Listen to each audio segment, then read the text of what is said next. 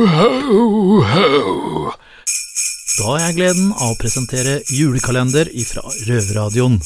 Med gode tips og råd, og generelt godstemning. Celle nummer 22. Til alle unge mennesker i Oslo fengsel, og til alle dere der ute utenfor murene.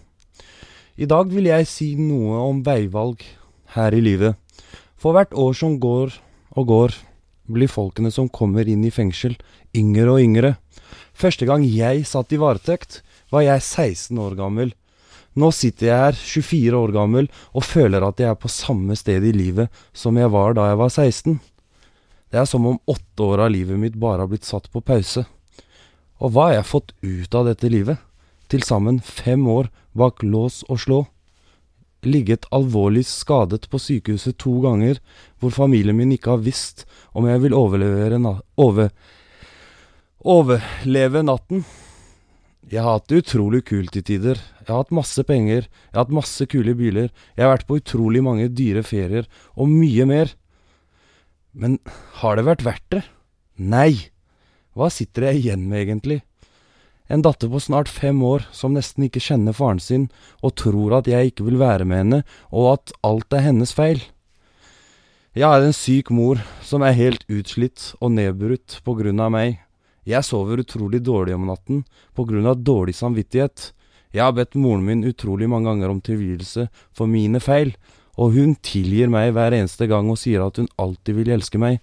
Jeg er jo tross alt, tross alt sønnen hennes, men jeg ser hvor knust hun blir på grunn av min oppførsel. Jeg har såret utrolig mange rundt meg, og jeg har mistet utrolig mange mennesker i livet mitt. Man kan godt si at jeg har vært på toppen, men jeg har faen meg vært så langt nede i dritten man kan komme også til tider.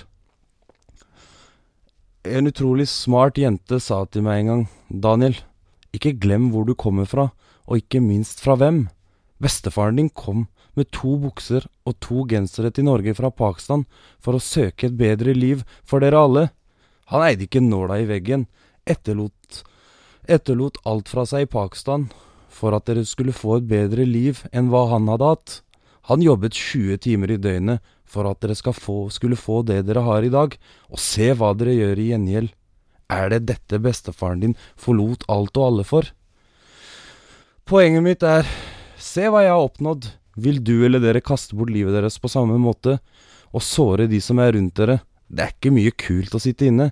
Jeg trodde det selv i starten, men jeg tok jaggu meg feil. Det, det er aldri for sent å snu. Få noe ut av livet deres, og ikke minst gjør mor og far stolt.